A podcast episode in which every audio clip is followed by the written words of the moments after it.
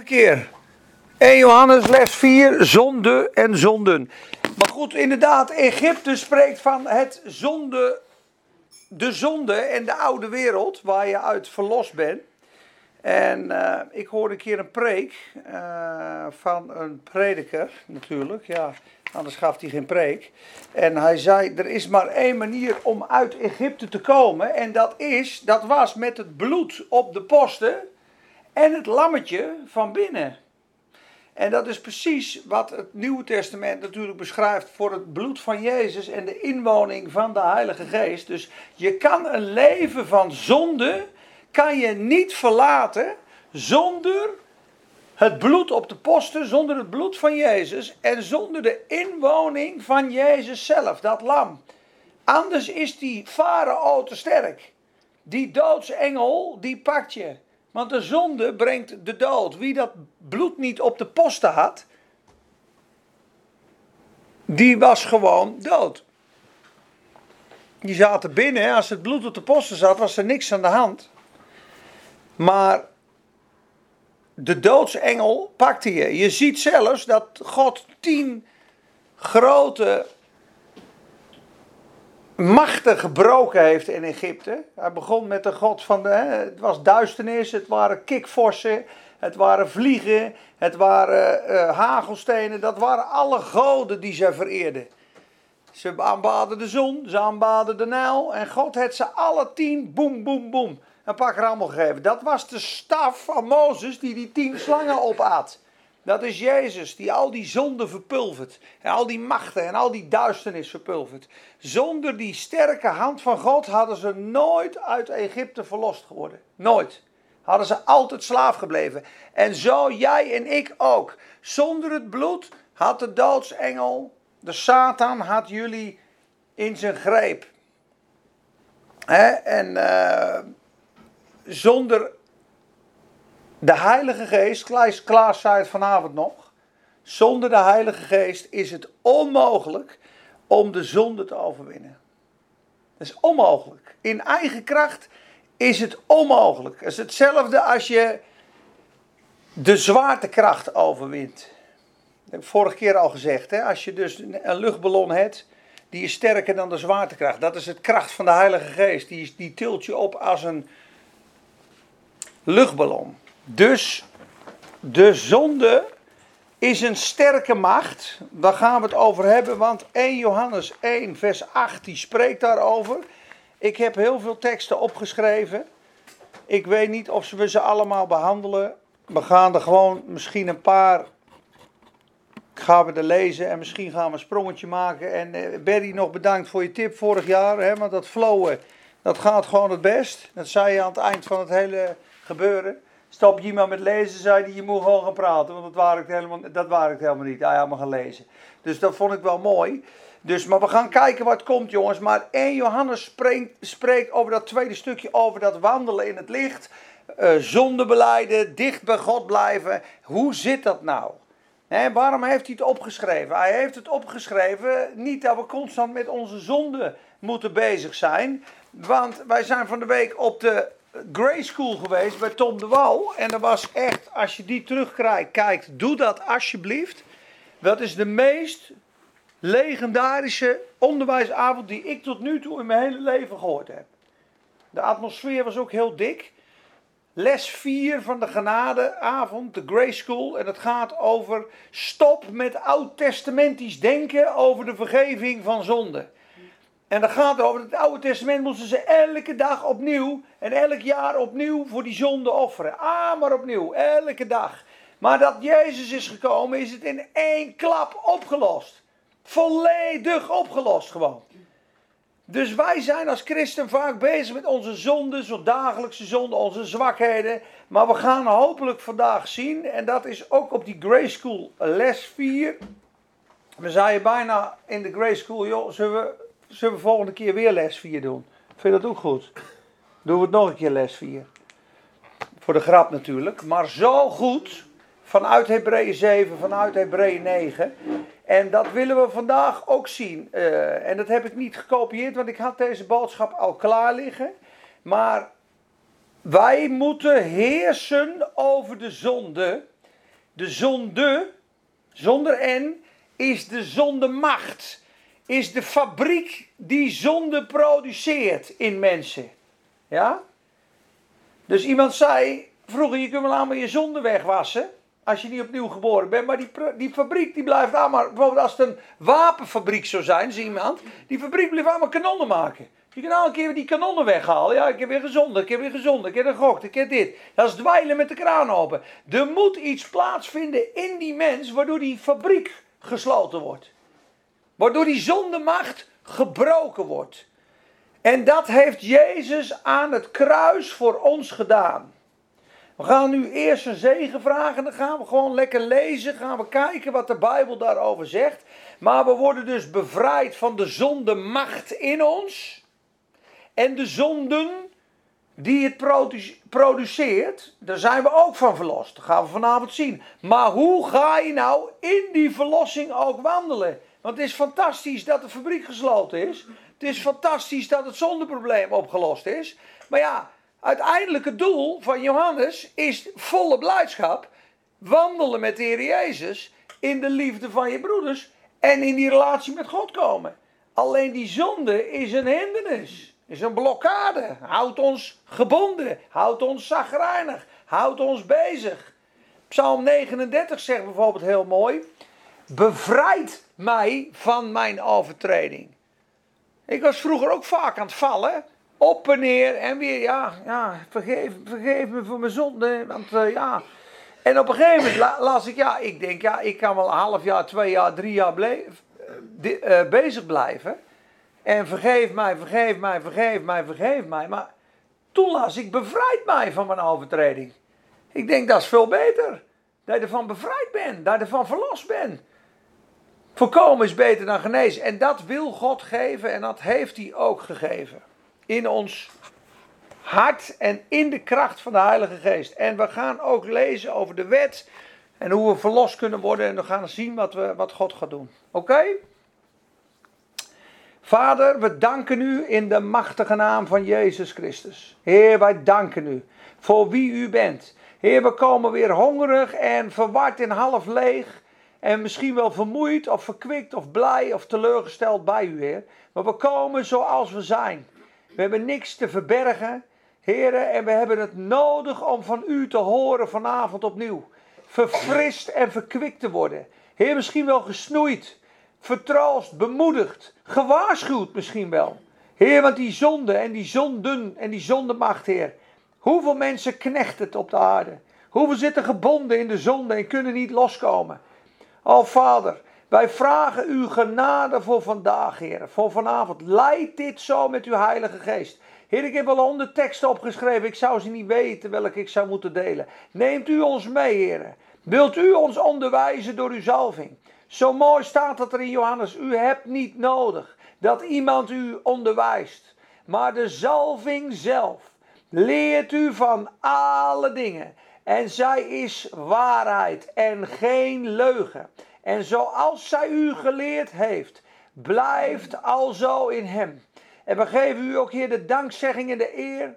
Want u bent God en wij zijn uw maaksel. U bent de herder, wij de schapen. Heer, leid ons in dit leven. Heer, verkwik ons. En ik bid, Heer, dat u ketenen gaat breken. Ook voor mensen die luisteren. Misschien wel op Insta, misschien op Soundcloud, misschien een keer in de auto. Dat de ketenen van de levens gebroken worden. En dat het licht en de kracht van uw genade gaat schijnen. Heer, waardoor zij in een overwinnend leven komen, Heer. Met de Satan onder hun voeten. Met de kracht van de Heilige Geest. Heer, vruchtdragend tot in eeuwigheid. Heer, leer en leid ons deze avond. Wij danken u, we zegenen uw naam en we geven u alle eer in Jezus' machtige naam. Amen. Amen. Amen. Nou, ik ga het uh, met jullie, uh, ik weet niet of jullie telefoon hebben of lekker meesurfen. Er zullen best wel wat teksten voorbij komen vanavond. Maar ik ga bij jullie beginnen met de allereerste keer dat de zonde benoemd wordt in de Bijbel. Want de Bijbel heeft een wet van de eerste noemer. En ook van de laatste noemer. Dus als de eerste keer iets aan bod komt in de Bijbel, staat er een grote sleutel bij het onderwerp. wordt er voor het eerst over de Heilige Geest gesproken, zal je een sleutel daar vinden. Over het bloed ga je ook nu wat horen. En over de zonde, wat God daarvan zegt. De eerste noemer en de laatste noemer. Dus we gaan naar het hoofdstuk 4 van Genesis, waar Kain zijn broer Abel doodslaat. Dat is de eerste. Uh, nou ja, goed, Adam en Eva hebben natuurlijk ook gezondigd, hè, dus laten we dat voorop stellen. Uh, ik moet het eigenlijk goed zeggen, de eerste keer dat het genoemd wordt in Genesis 4 gaat het over het bloed. Het bloed van zijn broer Abel roept van de aarde. En de eerste keer dat er natuurlijk gezondigd wordt, hè, dat is door Adam en Eva. En wat brengt het? Wat doet zonde? Wat zie je daar? Wat gebeurt er met Adam en Eva nadat ze zondigen? Schaamte. Schaamte? Ang angst. Angst? Angst, ja. Spijt. Ja, zeker spijt. Ze, ze, ze verstoppen zich voor God. Er komt grote scheuring in de gemeenschap met God. En uiteindelijk zegt de Bijbel, wie, hè, God had gezegd, als je daarvan eet, zul je sterven. Sterven. Geestelijk gingen ze dood. Ze stierven. Ze zijn pas later dood gegaan. Maar ze hadden nooit gestorven als de zonde niet in de wereld was. Zou de ziekte ook niet in de wereld zijn. Zou de dood ook niet in de wereld zijn. Zonde brengt dood. En scheiding met God. En het effect daarvan, van die zonde, is heel groot. Dan, ze zeggen ook in oude geschriften dat Adam was zwaar depressief. Want die heeft een hele menselijke ras naar de Filistijnen geholpen. In Romeinen staat dat alle mensen uit Adam allemaal geboren zijn als zondaar. Allemaal met die demonische natuur. De zondige, satanische, adamitische natuur. Die eigenlijk zegt, ben God helemaal niet nodig. We zijn zelf God. Laat die lekker zijn bek houden. Hij heeft mij toch gemaakt. Ik maak zelf wel uit wie ik ben. Dat ego, die inwonende rebel, die zondemacht is gekomen met Adam en Eva. En dat bracht dus scheiding en dood. Maar als je leest in hoofdstuk 4 van Genesis, dan zegt God iets over die zonde.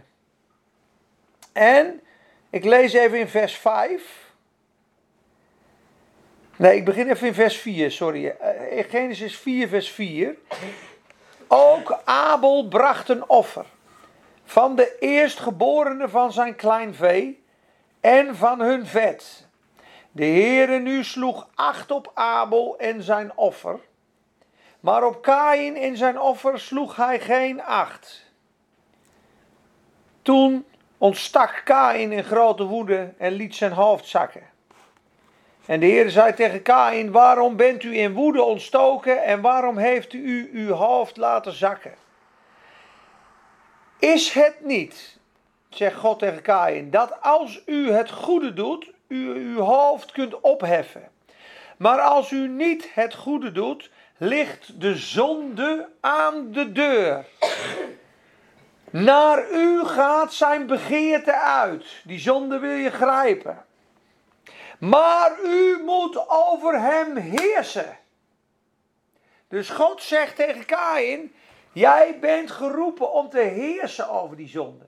Die zonde is een persoon, jongens. Het is de Satan zelf. In ons vlees, in onze gevallen menselijke natuur, woont geen goed. Geen, een- geen enkel goed. Daarom kun je niet op het vlees vertrouwen. Daarom zegt Paulus ook, we vertrouwen niet op het vlees. En daarom zijn er zelfs hele geestelijke dominees die zeggen, ja, ik ga toch niet met één vrouw in een kamertje zitten bidden voor bevrijding. Want wij vertrouwen niet op dat vlees, want dat, wij kunnen wel heel geestelijk zijn, maar ons lichaam reageert. Dat is gewoon totaal niet verstandig. Het is echt niet zo dat je eventjes super holy moly bent als er een mooie vrouw je verleidt, want dat voel je in je lichaam. Daarom rende bijvoorbeeld Jozef ook weg. Hij rende weg, naakt, bij de vrouw van Potifar. Toen ze zei, kom met me liggen. Elke dag.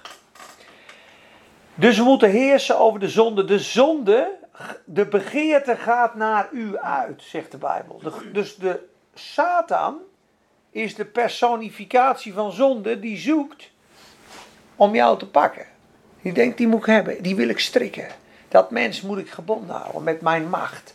Als ik ze in de zondemacht kan houden, dan kunnen ze niet naar God toe. Dan heb ik ze.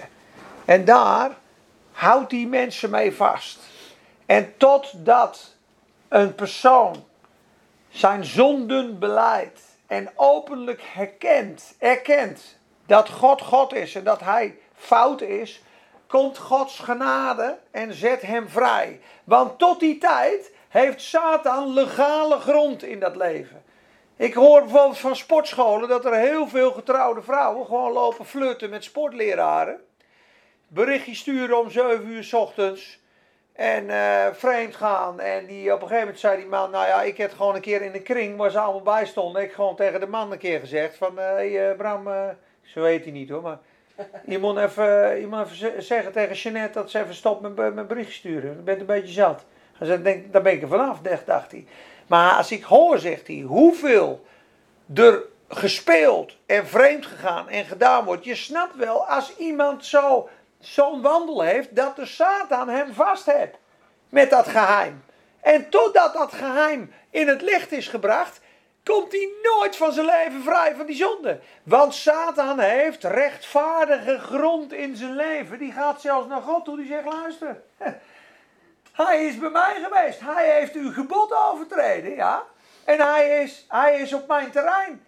Hij, hij heeft gezondigd en ik hou hem vast. Daarom zegt Spreuk ook, hij wordt gebonden met de koorden van zijn eigen zonde. Dus zodra je een bevrijding nodig hebt, dat is alleen de Heer Jezus, moet je tot het licht komen. Daarom spreekt Johannes, God is licht.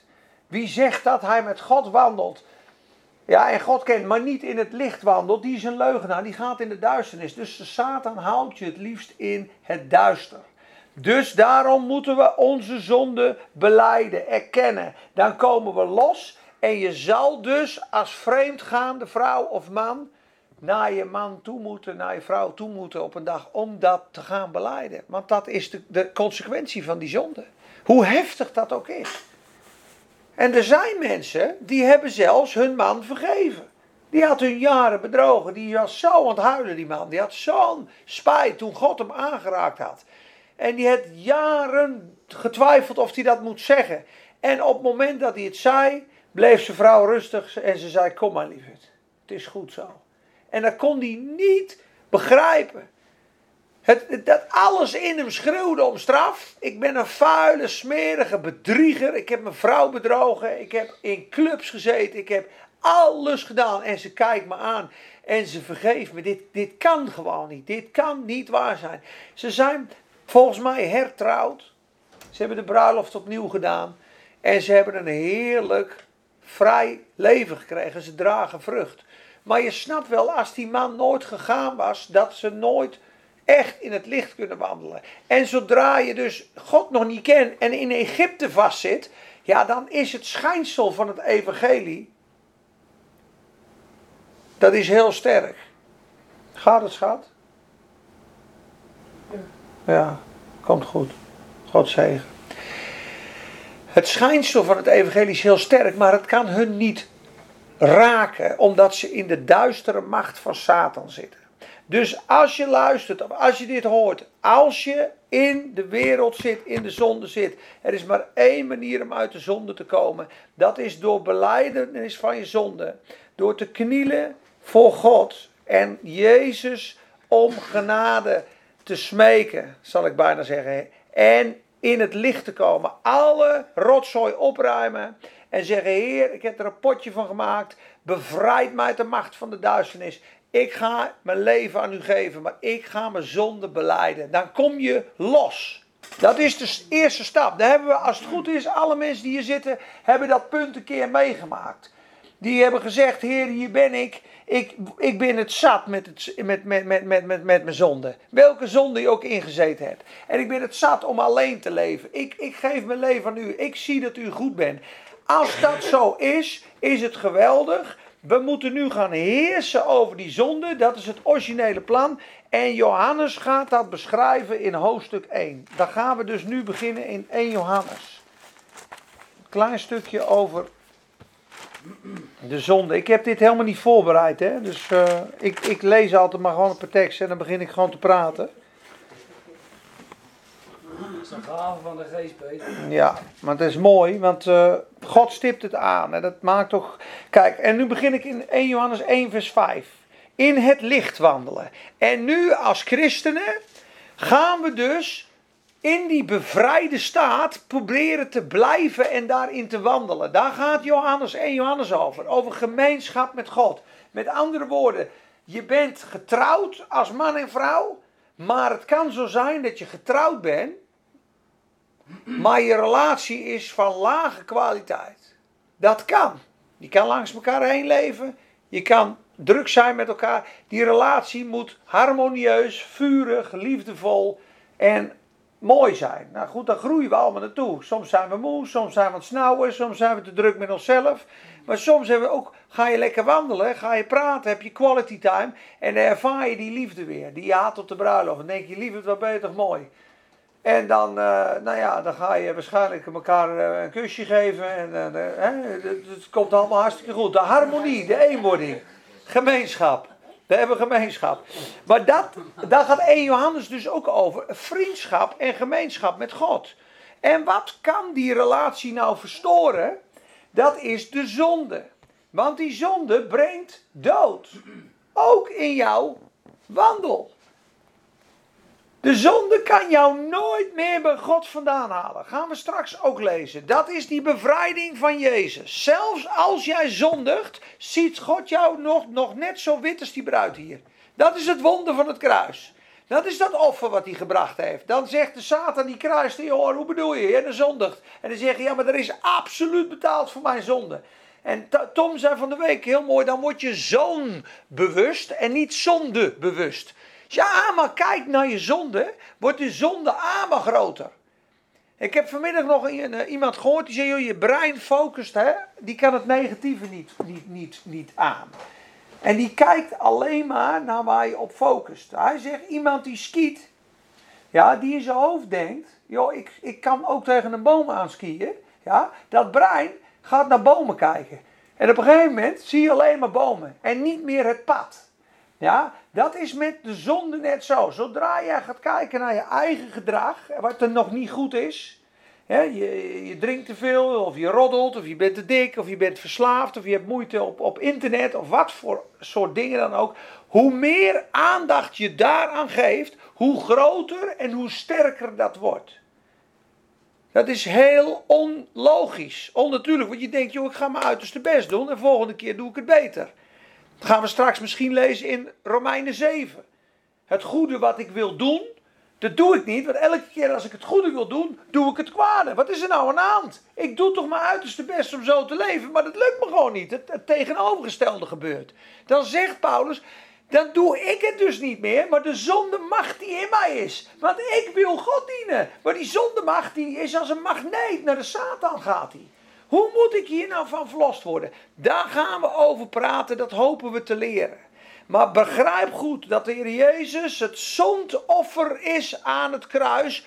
Eens en voor altijd ben jij verlost van de zondemacht, van de Satan, van de wet, van de hel in één klap en voor eeuwig. Dus je bent uit Egypte gehaald en jij zit in Christus in het beloofde land. En die gaat hier twintig keer op je bek maar je zit niet meer in Egypte. Daar ben je dwars door die doop en door de dood heen gegaan. Je bent nu in Christus. Alleen, je bent nu een kind die van God houdt. Alleen, die kan ook op zijn bek gaan. En die kan er ook een potje van maken. Die kan ook een draai om zijn oren krijgen. En je kan ook een uitbrander van je vrouw krijgen. En als je twee dagen niet thuis komt als je getrouwd bent. Ja, ik denk niet dat je een goed gesprek hebt. Dat snap jij ook. Dus Wandelen in het licht. Ik begin 1 Johannes 1 vers 5. En dit is de boodschap die wij van hem gehoord hebben en aan u verkondigen. Dat God licht is en in hem is in het geheel geen duisternis. Als wij zeggen dat wij gemeenschap met God hebben en wij toch in de duisternis wandelen, liegen wij, leven we dus in de leugen en doen de waarheid niet. Maar als wij in het licht wandelen, transparant en eerlijk zijn, zoals Hij in het licht is, hebben wij gemeenschap met elkaar, verbinding, harmonie, vreugde. En het bloed van Jezus Christus, zijn Zoon, reinigt ons van alle zonde. Als wij zeggen dat wij geen zonde hebben, misleiden wij onszelf en is de waarheid niet in ons. Ja? Dit gaan we straks even uitdiepen. Hou vers 8 maar in je achterhoofd. Als wij onze zonde beleiden, is Hij getrouw en rechtvaardig om ons de zonden te vergeven en ons te reinigen van alle ongerechtigheid. Als wij zeggen dat wij niet gezondigd hebben, maken wij Hem tot een leugenaar en Zijn woord is niet in ons. Nou, dit stukje is, er is veel debate over. De een zegt, joh, het zijn ongelovigen. De ander zegt, joh, het wordt op christenen gesproken. De een zegt, ja, maar ja, als al je zonden al vergeven zijn aan het kruis, waarom moet je ze dan nog gaan beleiden? Want alles is toch al vergeven? Het blijft een lastig iets, maar wat ik denk te lezen en wat ik hier uithaal, en dat haalde Tom van de week ook aan, is gewoon die relatie. Je bent vergeven, God heeft betaald, maar zodra jij met je vrouw een verkeerde opmerking maakt aan het eten, staat dat tussen jullie in. Dan voel je onvrede. Op het moment dat je dan zegt, sorry lieverd, dat was echt niet goed, vergeef me. Ja, dat betekent niet dat je hele huwelijk voorbij is. Dat is gewoon dat er gemeenschap hersteld wordt. Dus eigenlijk zou je hier bijna in kunnen vullen. Hij is getrouw en rechtvaardig dat hij ons bevrijdt van de zonde. Die je op dat moment doet en die ongerechtigheid. Ze blijft al de zonde eigenlijk.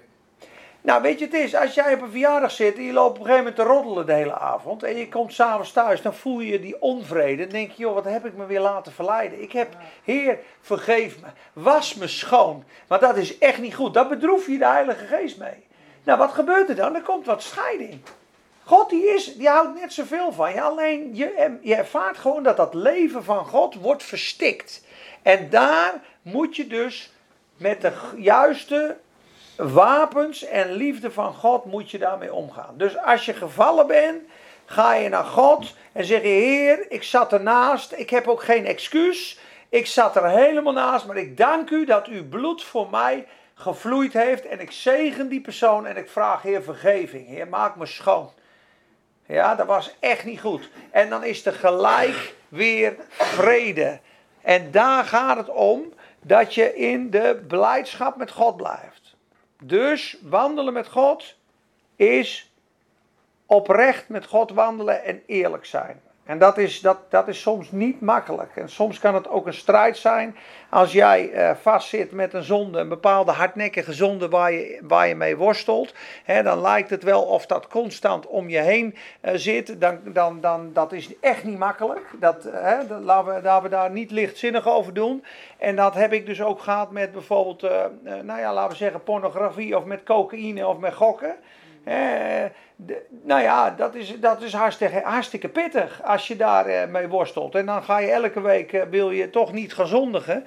Maar ja, uiteindelijk verlies je de strijd. En dan stond ik op, dan huilde ik, ging ik naar God toe en de week daarna weer op je bek. En door de week weer op je bek. Ja, op een gegeven moment ben je zo moe van het daarover praten, dat je moedeloos wordt. Ja? Maar nu gaan wij dus de medicijnen lezen hoe je dat kan breken. Want de zondemacht is gebroken aan het kruis. En de naam van Jezus doet elke demon wijken.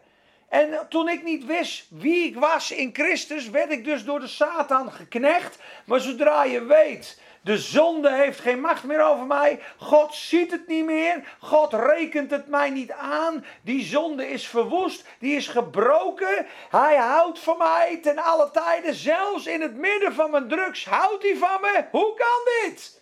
God is groter dan mijn zonde. Ik kan niet meer zondigen. Ik wil niet meer zondigen, want hij is goed. Ik heb het verhaal vaker verteld van Hein Posma. Dat ik altijd aan de drugs was. En elke twee weken ging ik naar hem toe. En dan zei hij: Eh, dan praten we erover. Hoe gaat het, Peter? Ja, nou ja, van de week drie keer op mijn bek gegaan. Dit vond ik moeilijk. Nou, nu ging het goed. Nou, zodra ik daar weg was, reed ik linea recta naar de Jantjes. Werd ik al helemaal onrustig. Een paar biertjes erin en een snuifie. En, ja, en hij zei dan tegen mijn moeder: Ja, die jongen die kan nog geen vijf minuten alleen lopen. Die kan nog geen vier minuten alleen lopen. Het is, die het een half meemaakt, maar het is ja. En ik voelde me natuurlijk ook gewoon een Judas. Ik denk, je zit er twee uur met die man te praten. Je hebt wel wat rust en vrede, maar uiteindelijk je gaat zo weer op je snuffert. Wat heeft mij veranderd? Niet het vingertje, niet die Bijbel, want ik was de hele week Bijbel aan het lezen, maar de liefde van God en de openbaring van God. Want op een avond ging ik weg en toen zei die Peet, ik wil nog wat tegen je zeggen. Als je nou vannacht met die jongen zit, dan zijn mijn gebeden met jou.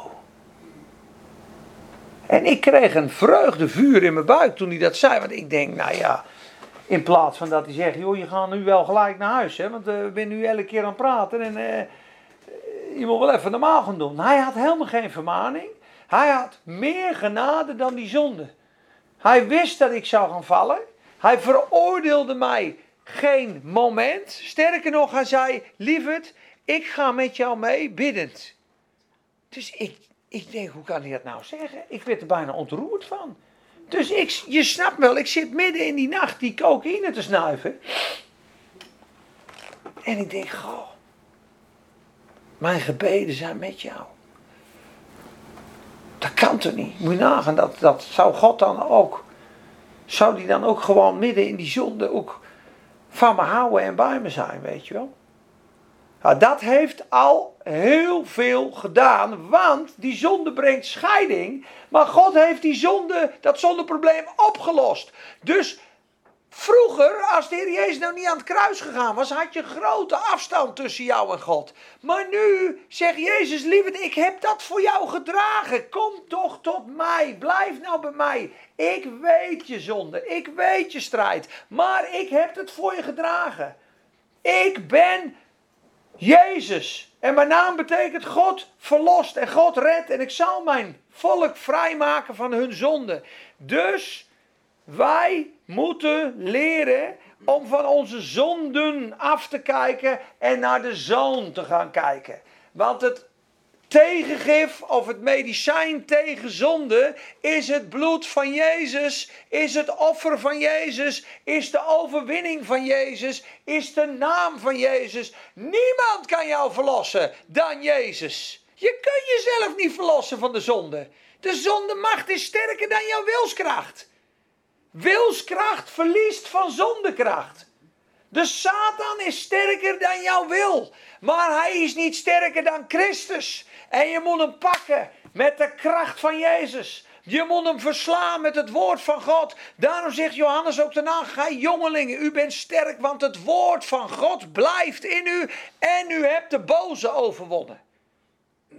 Sterker is hij die in u is dan hij die in de wereld is. Dus ik ga wat teksten lezen met, met jullie over de bevrijding en de overwinning die Jezus voor ons behaald heeft over de zonde, waardoor de zonde bij jullie straks en bij mij geen enkele grond meer krijgt, ook al zou die een punt hebben. Want daar komt de strijd. Zodra jij geen fout maakt, hoeft de Satan niet bij jou te komen. Hé, hey, uh, je was vanmiddag wel heel. Uh, hoe bedoel je? Ik heb, uh, was op een boot tot evangeliseren met Jezus. ik weet niet waar jij het over hebt. Dan hebt hij al helemaal geen punten, Satan. Maar moet je eens nagaan dat hij zwaar op zijn snuffert gaat. En dat die Satan komt. Van ja, ben jij nou een christen? Moet je eens kijken wat je daar en daar en daar doet. Wat een lafaard ben jij en die aanklacht zou landen bij hem, dan zou hij steeds verder bij Jezus vandaan gaan. En dan zou hij zijn kracht verliezen. En dan zou Satan jou binden. Maar moet je nagaan dat hij op dat moment zegt: Satan, je hebt volkomen gelijk. Ik heb maximaal verkeerd gehandeld vanmiddag. Maar ik heb goed nieuws voor jou. Slecht nieuws voor jou, maar goed nieuws voor mij. De Heer Jezus Christus van Nazareth is voor die zonde aan het kruis geslagen. En heeft die zonde gedragen. En daarom hoef ik hem niet meer te dragen. En prijs ik mijn Heer. En dan is hij weg. Hij is weg. Als de duivel je herinnert aan je zonde, herinner jij hem aan de zoon. Als hij jou herinnert aan jouw verleden, herinner jij hem aan zijn toekomst. Lekker spartelen in de pool des vuurs houden straks. Voor eeuwig, dag en nacht. De valse profeet en de hellond. Want dan ga je. Je bent verslagen door de Heer Jezus. En ik ben gestorven met Christus aan de zonde. En dan komt Satan gestorven aan de zonde. En jij vanmiddag nog dit en dit en dat. Hoe bedoel je? Gestorven aan de zonde. Ben je guld of zo? Het is een bovennatuurlijke waarheid die wij moeten doorvoeren op de Satan. Ook al heb ik gezondigd, nochtans ben ik vrijgepleit door de Heer Jezus Christus van Nazareth. Nochtans heb ik uit genade, onverdiend, rechtvaardigheid en barmhartigheid ontvangen op grond van wat Hij deed en niet wat ik deed. Want als ik vandaag geen zonde gedaan had, had ik nog zijn genade nodig. En als ik drie fout of twintig fout of tachtig fout genaakt had, had ik nog zijn genade nodig. En die overwinning, mensen, die gaan we lezen.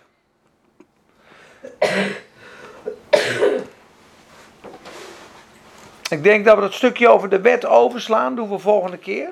Misschien wel voor de volgende les. Bevrijd van de wet. Door de wet is de kracht van de zonde, de kennis van de zonde, staat er in die teksten van Romeinen. Gaan we een andere keer behandelen. Hoe meer je je vastklampt aan de regels, hoe sterker de zonde terugkomt in je leven. Dat is apart, hè? De kracht van de wet is de zonde. Of de kracht van de zonde is de wet. Hoe meer er tegen jou gezegd wordt: jij mag niet stelen, jij moet zo, jij moet zo, hoe meer zonde er in je leven komt. Dat is apart, hè? Zal ik eens even lezen? Ga maar naar mee naar Romeinen 5, vers 20. Romeinen 5, vers 20. Mensen, dit zijn bovennatuurlijke hemelse waarheden. Die kan je niet ontvangen met je natuurlijke denken. Dit moet je geloven als een kind. Dit moet je aanvaarden omdat de Bijbel het zegt en niet omdat je hoofd zegt, want het is totaal niet logisch als jij gezondigd hebt dat God zegt: Ik zie het niet. Dat lijkt wel niet eerlijk. Dus jij, jij, jij doet iets wat niet mag en de Heer Jezus zegt: Ja, ja, ik zie het niet, want ja, ik zie alleen maar de Heer Jezus. Ik zie het, ik zie het bloed van, van mezelf en hij is onschuldig. Hij is onschuldig? Hij is hartstikke schuldig. Nee hoor. Op grond van hemels rechtvaardigheid is hij onschuldig. Daar moet je over nadenken. Dat is apart, hè, mensen?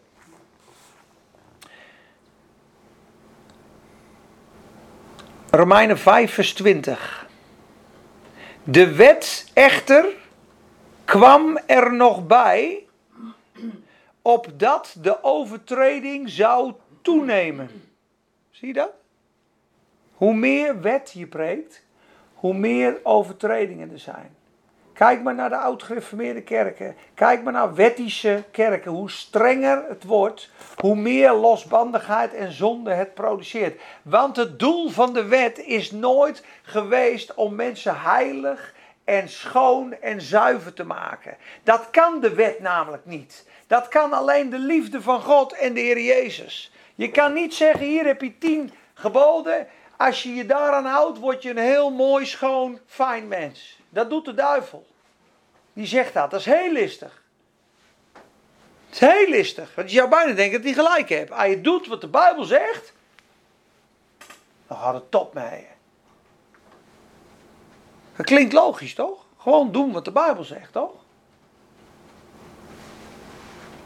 Jehovah's getuigen, die doen het ook, hè? Die geloven niet in de enige God. Die geloven ook niet in de inwoning van de Heilige Geest. Maar die zeggen wel, joh, wij doen de Bijbel. Als we de Bijbel doen, dan is God blij. En dan zit het goed met ons. Maar ze hebben nog steeds die zondige, gevallen natuur. Daarom zegt Jezus tegen Nicodemus: U moet opnieuw geboren worden. Uit water en geest. Je moet van boven geboren worden. Je moet een nieuwe natuur moet je krijgen. Die zondige natuur die je hebt, die moet bestraft worden. Dan moet je aan sterven en je krijgt een nieuwe natuur. Ik ga in jou wonen. Dus de wet van God is goed, is heilig, is geestelijk. Is niks mis met het woord van God. Dat zegt Paulus ook. Is niks mis mee met die Bijbel. Alleen die Bijbel, dat woord, kan jou nooit heilig, rechtvaardig en goed maken. Want jij bent verkocht onder de zonde. Jij bent vleeselijk, zegt de Bijbel. Dus zodra je probeert in je eigen kracht de wet van God te volbrengen, vermeerderen de overtredingen. Ga je dus meer zondigen. De kracht van de zonde is de wet. Dus hoe meer wet, hoe meer regels, hoe meer zonde er is.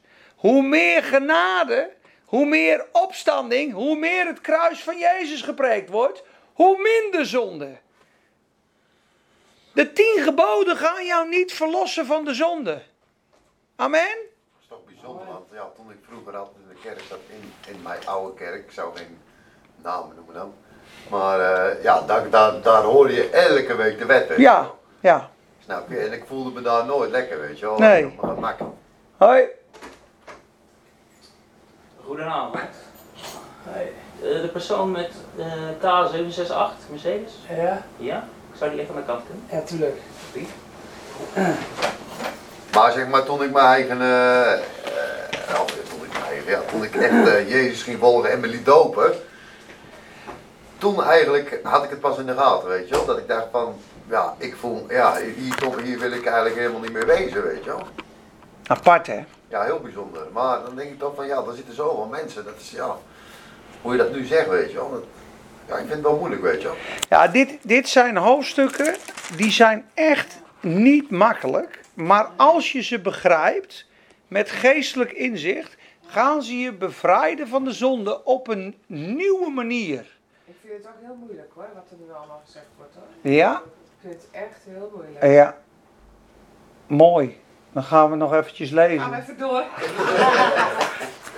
Le, le, wie, ik zou, eh, zijn jullie aan het meelezen? Want dan gaan we Ja, even, ja, dan gaan we even Romeinen 7, een paar versen lezen. Ik snap dat het moeilijk is, dat is het ook. Eh, ik zal het proberen wat makkelijker te maken met uitleg. Ehm, ja, laat ik maar gewoon beginnen bij Romeinen 7, vers 1 tot 6. En dan gaan we even wachten op Klaas, dat hij terugkomt. Een plasje verleden. Wat zei je? Maar ik heb snel een plasje verleden. Ja, en neem even een glaasje water voor me mee. Ik snap het wel en ik snap het niet. Ik ben helemaal niet kerks opgegroeid. Mhm. Dus voor mij, ja, ik, ik vind het echt heel moeilijk. Maar als je nu toch opnieuw geboren bent, je bent van God. En dan, als je dan aan de wet houdt.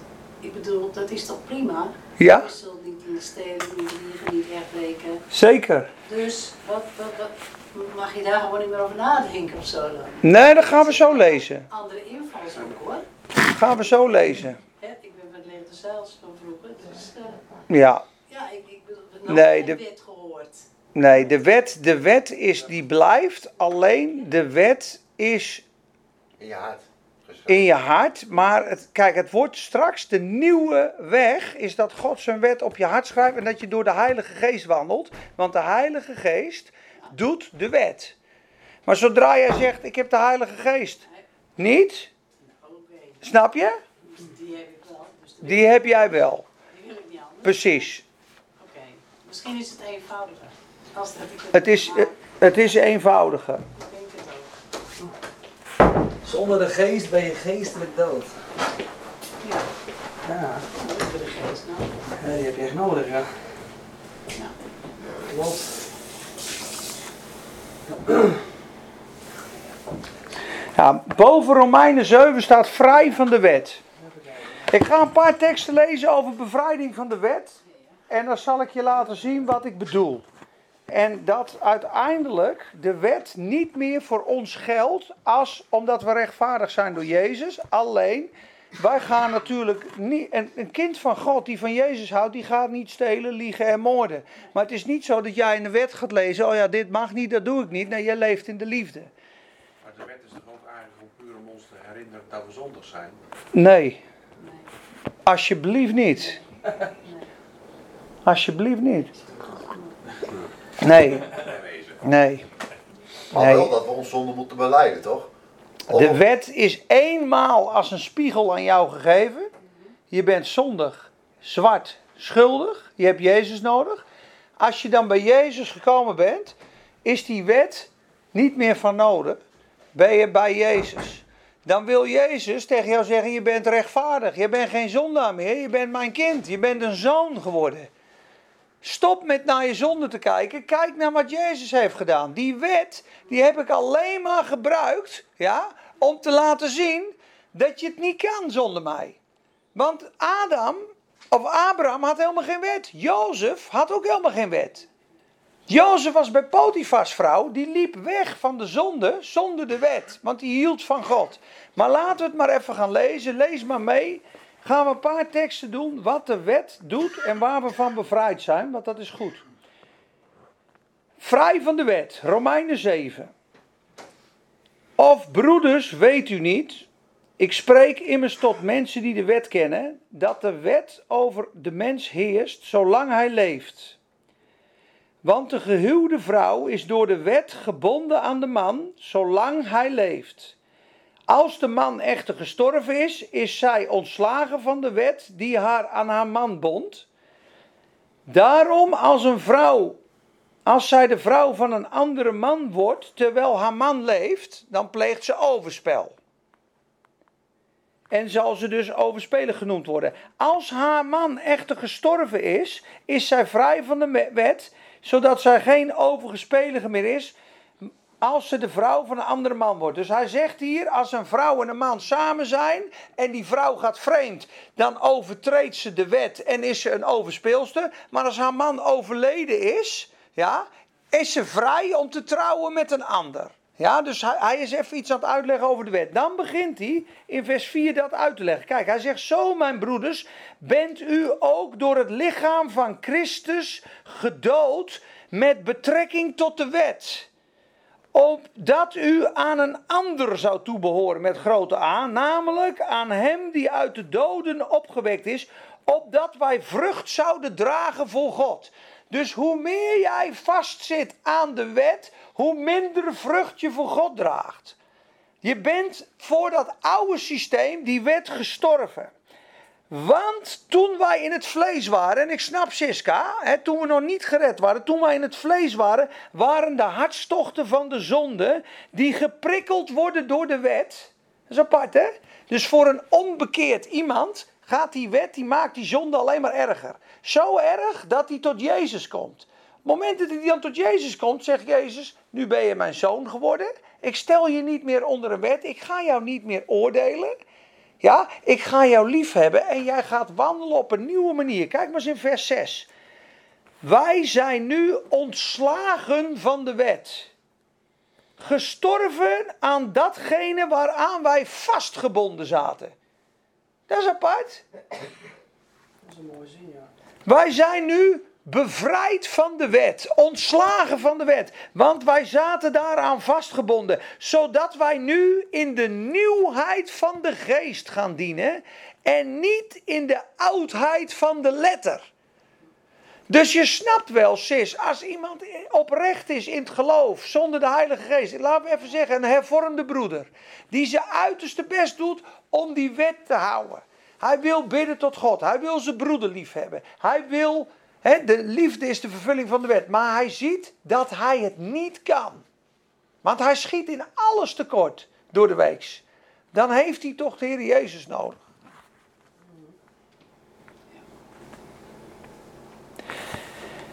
Dus, Dat ontslag, dat, is toch ook, dat heeft toch ook met de doop te maken? ja, jij bent nu onder genade gekomen.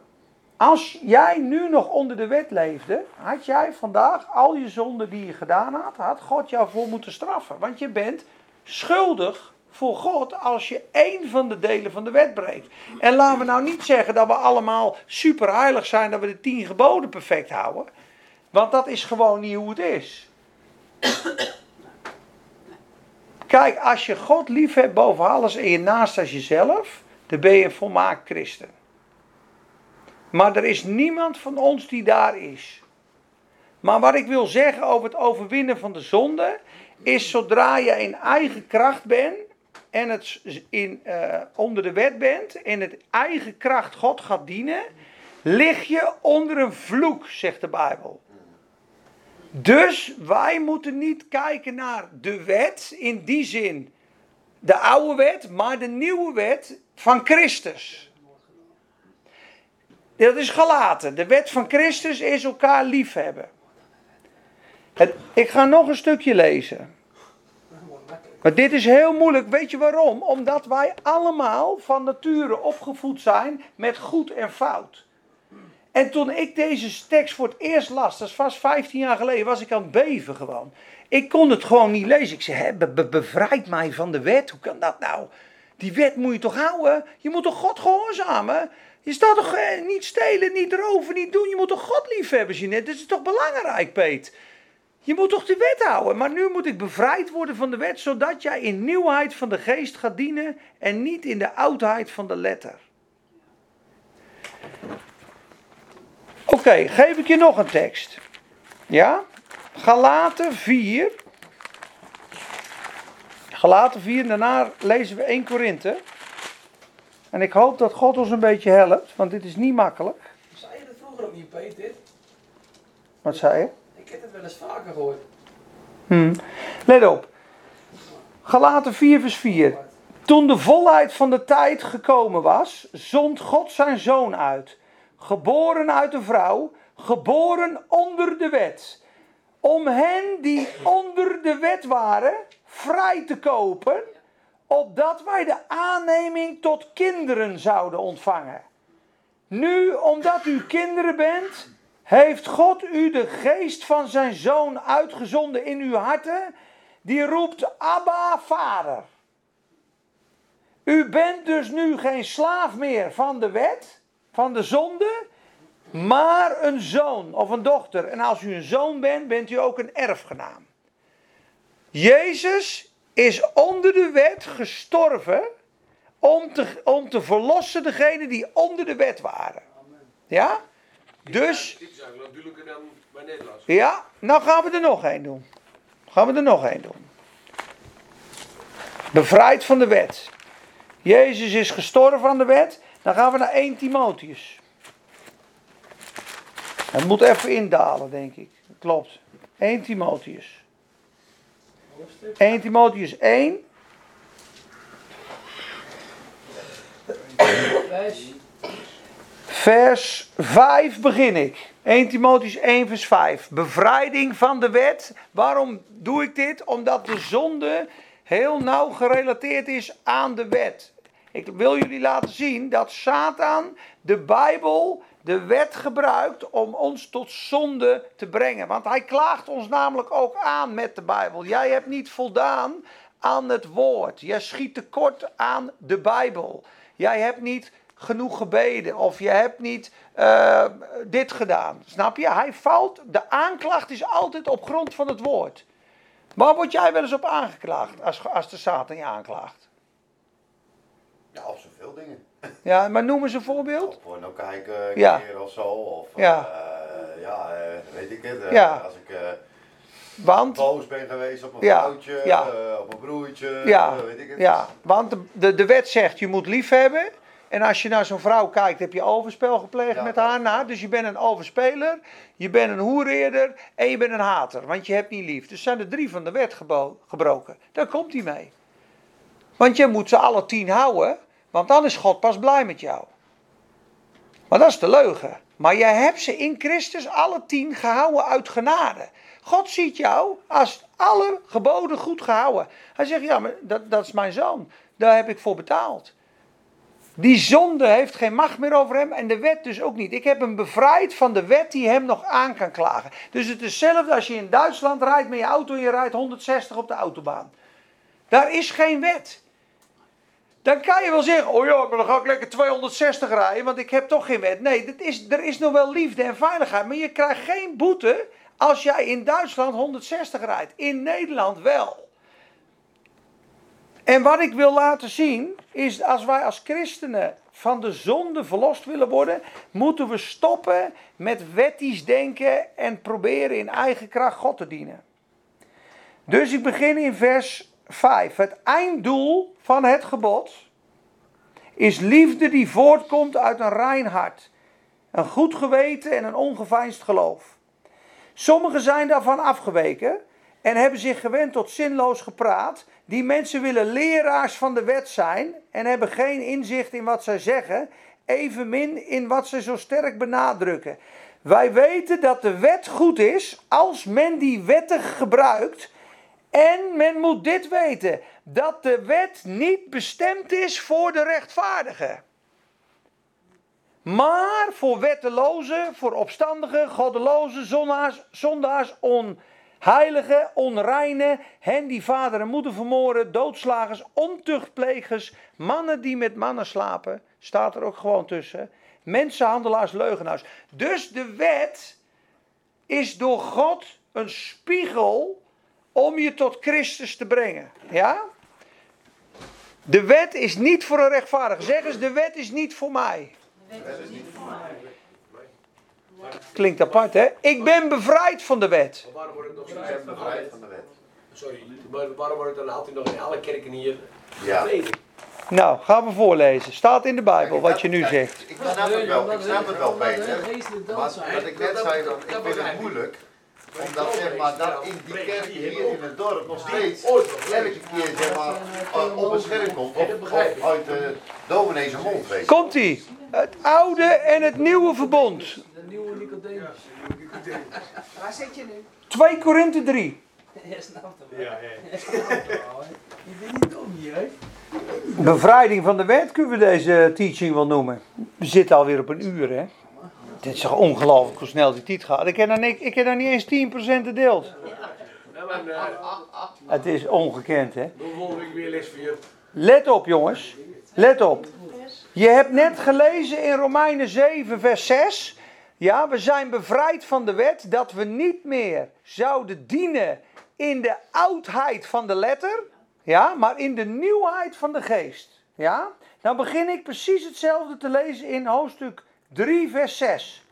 Hij heeft ons namelijk bekwaam gemaakt om dienaars van het nieuwe verbond te zijn.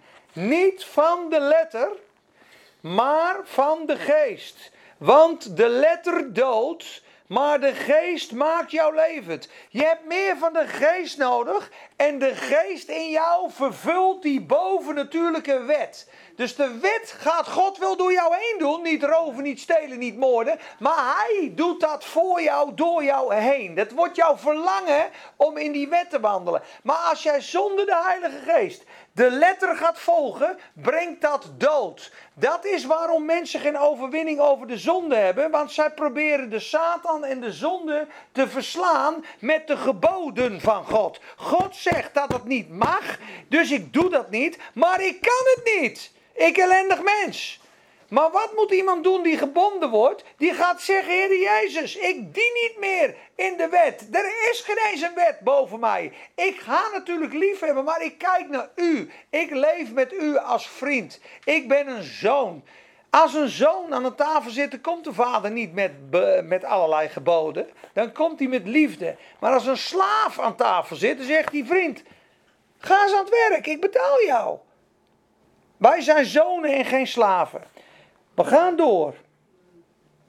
Als nu de bediening van de dood met letters in stenen gegrift. Wie weet wat dit was? Met letters in stenen gegrift. Hij noemt het de bediening van de dood. Zie je dat? Als nu de bediening van de dood met letters in stenen gegrift in heerlijkheid was, zodat de Israëlieten hun ogen niet op het gezicht van Mozes gericht konden houden, Hoeveel te meer, vers 8, zal dan de bediening van de geest in heerlijkheid zijn? Toen de wet gegeven werd, vielen de 3000 doden aan de voet van de berg. Toen de geest gegeven werd, werden de 3000 gered op de Pinksterdag. De geest brengt leven, de wet brengt dood. Wij gaan naar, let op, let op, let op, let op. Vers 14. Vers 14, let op. Het oude volk. Hun, 2 Korinthe 3, vers 14. Maar hun gedachten werden verhard, want tot op heden blijft dezelfde bedekking bij het lezen van het Oude Testament zonder te worden weggenomen. Die bedekking wordt niet gedaan in Christus. Ja, tot op heden ligt er, wanneer Mozes voorgelezen wordt, de wet, elke zondag, er een bedekking op hun hart. Een deksel. Maar wanneer het zich tot de Heere bekeert, wordt de bedekking weggenomen. Dan zullen wij, de Heer nu is de geest, en zien wij de Heere van aangezicht tot aangezicht en worden wij veranderd in, van heerlijkheid tot eerlijkheid door het kijken naar Jezus. Amen. Dus we moeten kijken naar Jezus voor transformatie. Je moet kijken naar de Heer Jezus als je overwinning over zonde wil. Je moet kijken naar Jezus als je heilig wil leven en niet wil zondigen. En hem volgen in wat hij deed. Precies. Er is een discipelschap, er is een navolging. Maar je moet sterven aan je zonde, zeg maar. Kijk, anders, Precies. Kun je er niet, anders kom je er niet uit. Precies. Kijk, in mijn leven, zeg maar, mijn getuigenis, zeg maar, ik kwam er niet uit, snap je? En toen ik nog, eh, eh, ja, in, Precies. in, in mijn zonden eh, zat, Precies. En ik probeerde het wel, maar het lukte mij gewoon. Precies. En wat jij zei op het begin, ik was uit adem geboren, snap je? Maar pas, pas toen ik door dat water heen ging en opstond uit het water, toen Precies. lukte het pas. Toen is er een kracht gebroken. Ja, toen dus was de zondemacht gebroken. Maar leef jij nu door de geboden of leef jij door de kracht van de Heilige Geest? Nou, ik leef niet door de geboden. Kijk, die zitten in mijn hart. Ik voel dat ik wat verkeerd doe, weet je. Kijk, Dat is de Heilige ik Geest. Weet je wel, maar ik beleid dan wel mijn zonde, weet je. Maar soms Precies. voelt het wel zo van, oké, moet ik dan nou weer hiervoor bidden, weet je. Want Kijk, word je een beetje moe je van, moet het zo zien, wij kunnen de Bijbel in eigen kracht niet doen. Hoe graag we dat ook willen. Ik lees nog een paar teksten, want het gaat, we gaan net zo lang door tot het kwartje valt. En tot je het begrijpt. Ja, er staan er nog veel meer. Let op, 1 Korinthe 15. 1 Korinthe 15. En schrijf maar eventjes op, iemand herinner me zo even, daarna gaan we naar Colossense 2. Colossense 2 vers 14 en 15. En daarna gaan we naar Galaten 3, vers 10. Het zijn allemaal woorden van bevrijding over die wet. Let op, 1 Korinthe 15, vers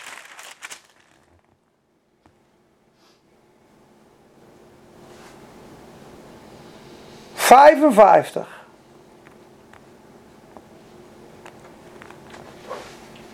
Er is een plek op. 1 Korinthe 15, vers.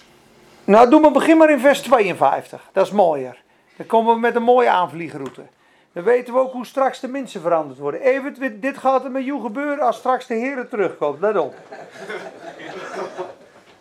In een ondeelbaar ogenblik, in de twinkling of an eye, staat er. Dus niet een knippertje van het oog, maar een twinkling of an eye. Dat dat zonlicht weer kaatst in een oog.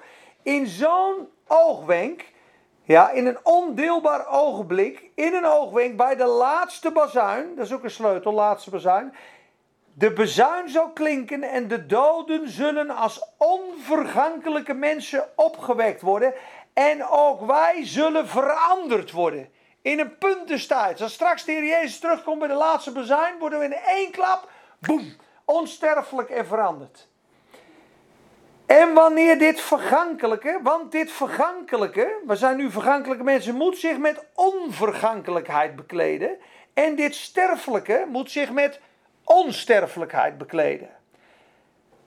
En wanneer dit vergankelijke zich met onvergankelijkheid bekleed zal hebben, en dit sterfelijke zich met onsterfelijkheid bekleed zal hebben, dan zal het woord geschieden dat geschreven staat in de Bijbel. Volgens mij in Amos. Of in uh, Jezaja, dat weet ik even niet. Dood, waar is uw prikkel? Graf, waar is uw overwinning? Let op, de prikkel nu van de dood is de zonde. Wat is die prikkel van de dood? De zonde. Dat betekent als je zondigt, steekt die zonde jou met een prikkel die zegt je gaat dood. Je hebt gezondigd, je gaat sterven, je bent schuldig. En de kracht van de zonde is de wet. Dat is heftig. Dit is boven natuurlijk onderwijs, mensen. De kracht van de wet. De kracht van de zonde is de wet. Hoe meer wet je preekt, hoe meer zonde er vermenigvuldigt. De wet is erbij gekomen dat de zonden overvloedig zouden worden. Dat mensen hopeloos zouden gaan gillen om Jezus. En als ze dan hopeloos gegild hebben om Jezus en ze hebben Jezus gevonden, dan heeft die wet als een gouvernante, ja, gaan we ook nog even doen, Galaten 3, vers 24 en 25, dan ga, je, dan ga je bevrijd worden. Als je die zo leest, dan ga je bevrijd worden. Let maar eens op. En dan gaan we straks zien hoe de rechtvaardige gaat leven. De kracht van de zonde is dus de wet, mensen. Daarom zie je in plaatsen waar de wet gepredikt wordt, oh, vermenigvuldiging van zonde. Kijk maar naar Urk, kijk maar naar Volendam, kijk maar naar Staphorst. Hoe harder ze preken in die zwarte uh, rokken, hoe kouder de mensen worden en hoe verder ze bij God vandaan komen te staan. Want de wet is niet gegeven om te houden, maar om te breken. Dat zijn allemaal bovennatuurlijke uitspraken die ik zeg. Wij moeten hem breken en erkennen dat we hem gebroken hebben. Dat we zeiden, Heer, ik heb uw wet gebroken. Ik ben schuldig. Ik, heb, ik ben een zondaar. Ik heb u nodig. En als die je dan nodig hebt, ben je zijn zoon geworden. Ben je rechtvaardig geworden. Dan zegt hij, de wet is niet meer voor een rechtvaardige. Ik hoef jou niet meer een spiegel voor te houden dat je naar Jezus moet. Jij bent bij Jezus gekomen. Ik geef jou mijn geest. Dat is toch het nieuwe verbond, jongen? Die wet is van het oude verbond. Ik ben de geest van het nieuwe verbond. Ik heb toch die wet geschreven. Ik ben God in jou die dat gaat doen. Het enige wat jij hoeft te doen is op mij vertrouwen. Van mij houden. Meer hoef je niet te doen. Want de liefde is de vervulling van, het wet, van de wet. Oké, okay, Colossense 2. We gaan er nog een paar doen. We, we zagen hem gewoon de midden. Ja, dit is zo boven natuurlijk onderwijs, jongens. Dat moet je eigenlijk twintig keer horen.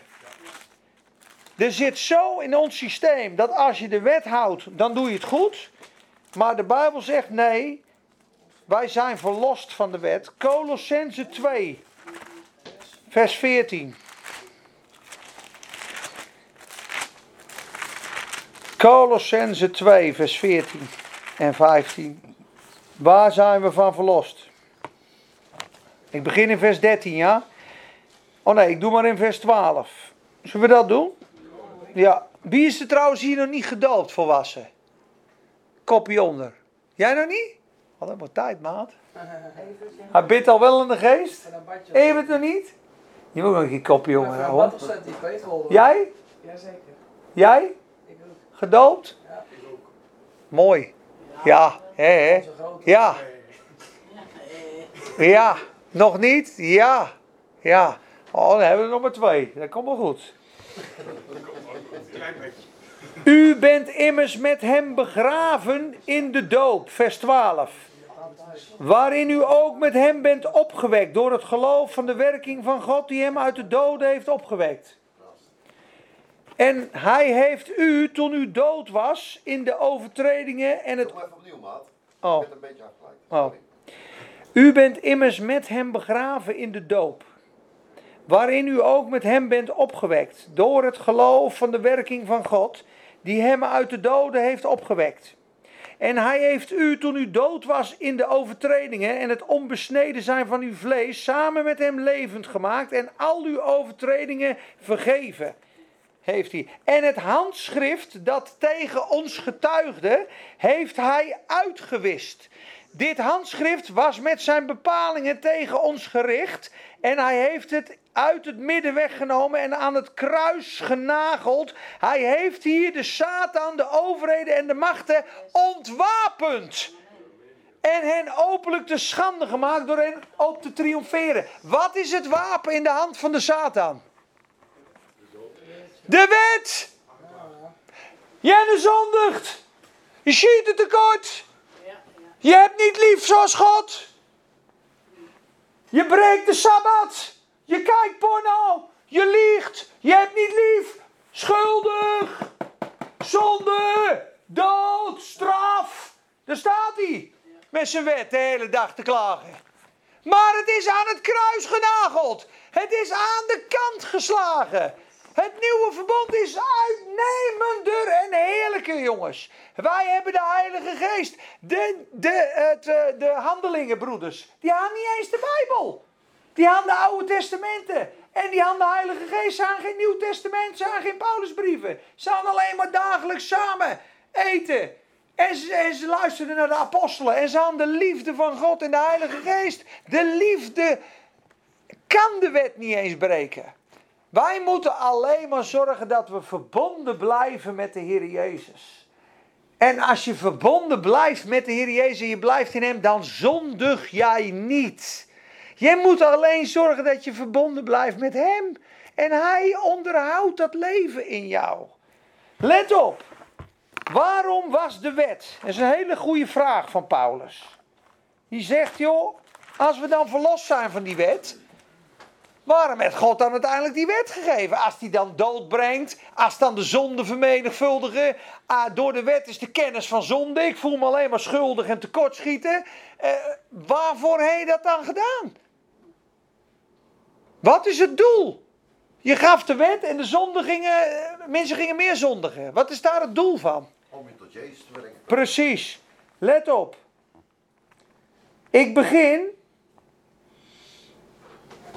in vers 10. Waar? Galaten 3, sorry. Galaten 3. Sorry schatjes. Ja, sorry dat ik eh, een beetje lang doorga, maar dit is wel een goed punt. Vooral in Spakenburg.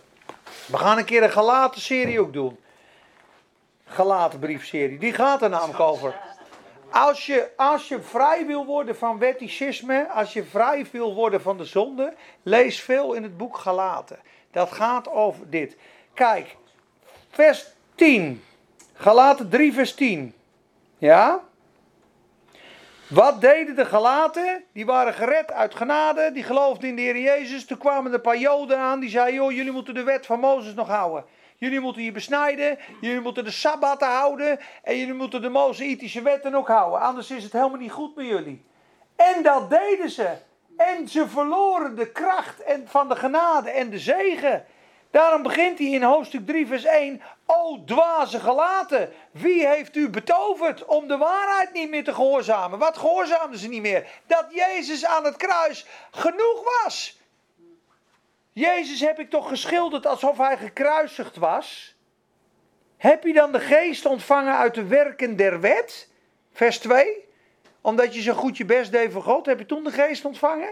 Of door de prediking van het geloof? Omdat, of dat iemand zei dat God het volbracht had. Let op, vers 10. Ja? Allen die uit de werken van de wet zijn, zijn onder de vloek.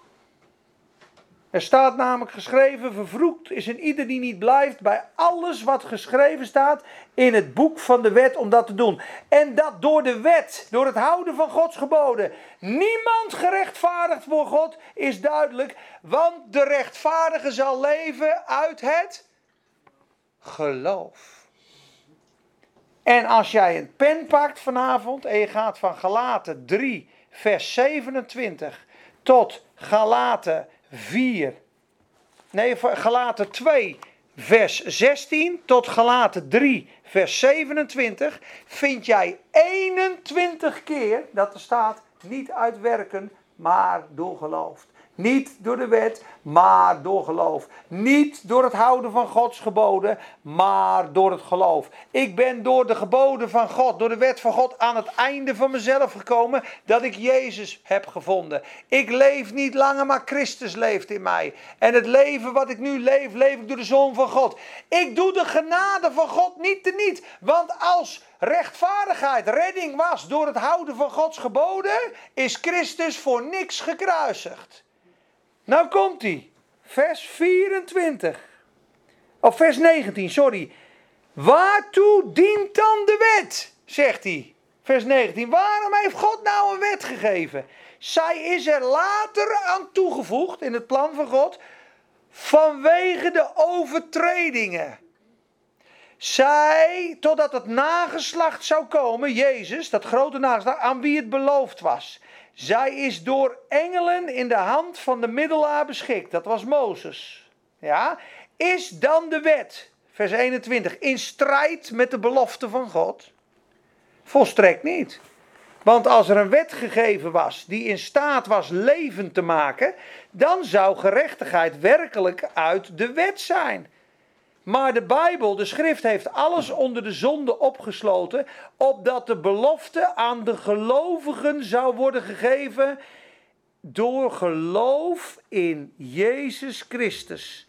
Voordat het geloof kwam, werden wij door de wet bewaakt, als gevangenen opgesloten, totdat het geloof zou komen. Zo is dan de wet onze tuchtmeester, onze gouvernante, onze leermeester geweest tot Christus. Opdat wij uit het geloof gerechtvaardigd zouden worden.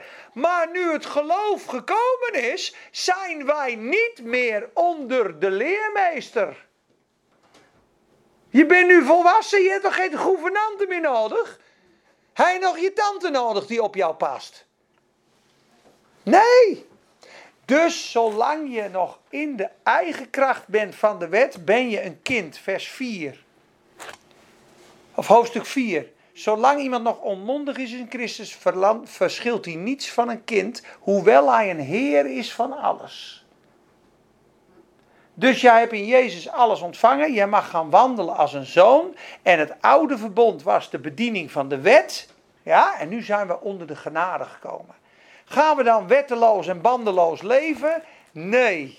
Wij gaan als resultaat van de genade steeds meer leven zoals God het van ons vraagt. Waarom weer geestelijk groeien? Daarom is het of wet of geest.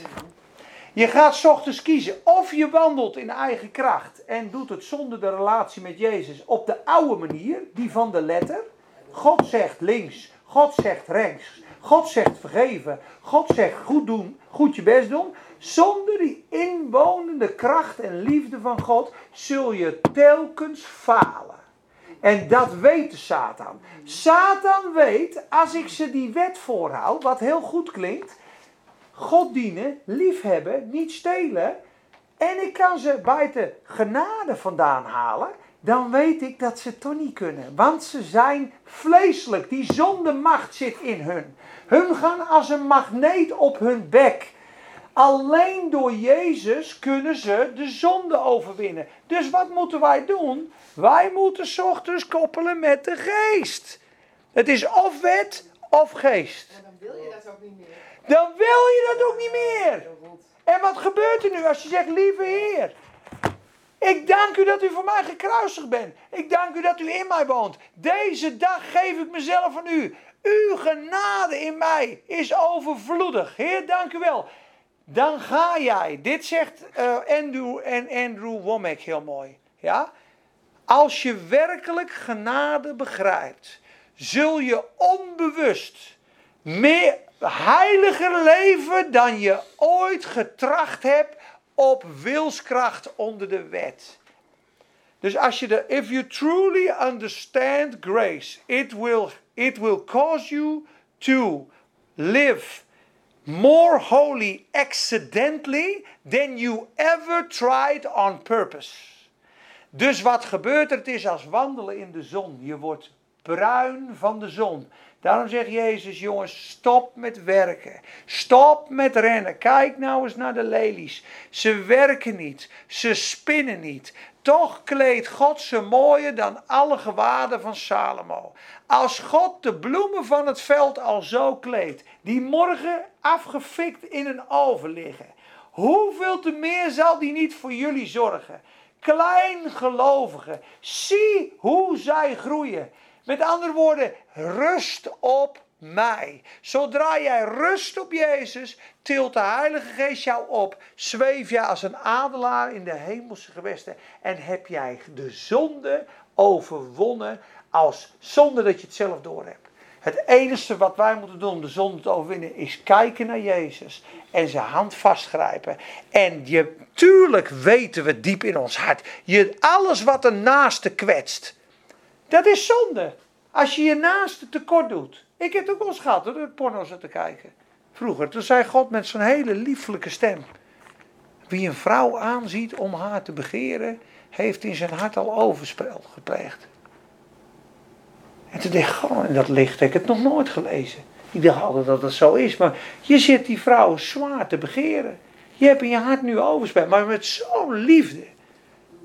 Met zo'n liefde, dat ik gewoon denk, ja, dit, dit, dit, dit.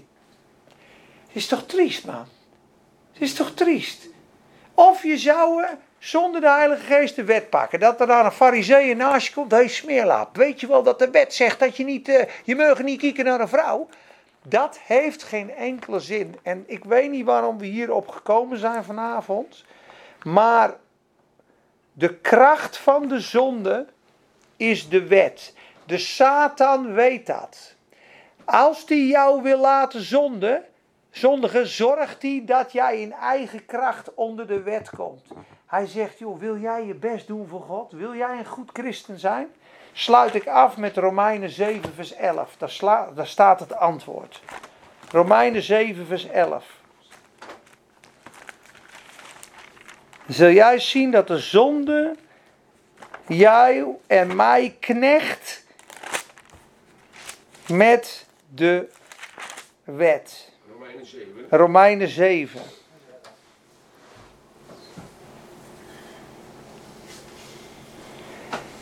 De wet leert de zonde kennen, staat erboven. Dus vers, hoofdstuk 7, vers 1 tot 6 is vrij van de wet. En dan gaat hij, uit, gaat hij wat uitleggen. Vers 7, hoofdstuk 7, vers 7. Wat zullen wij dan zeggen? Is de wet dan zonde?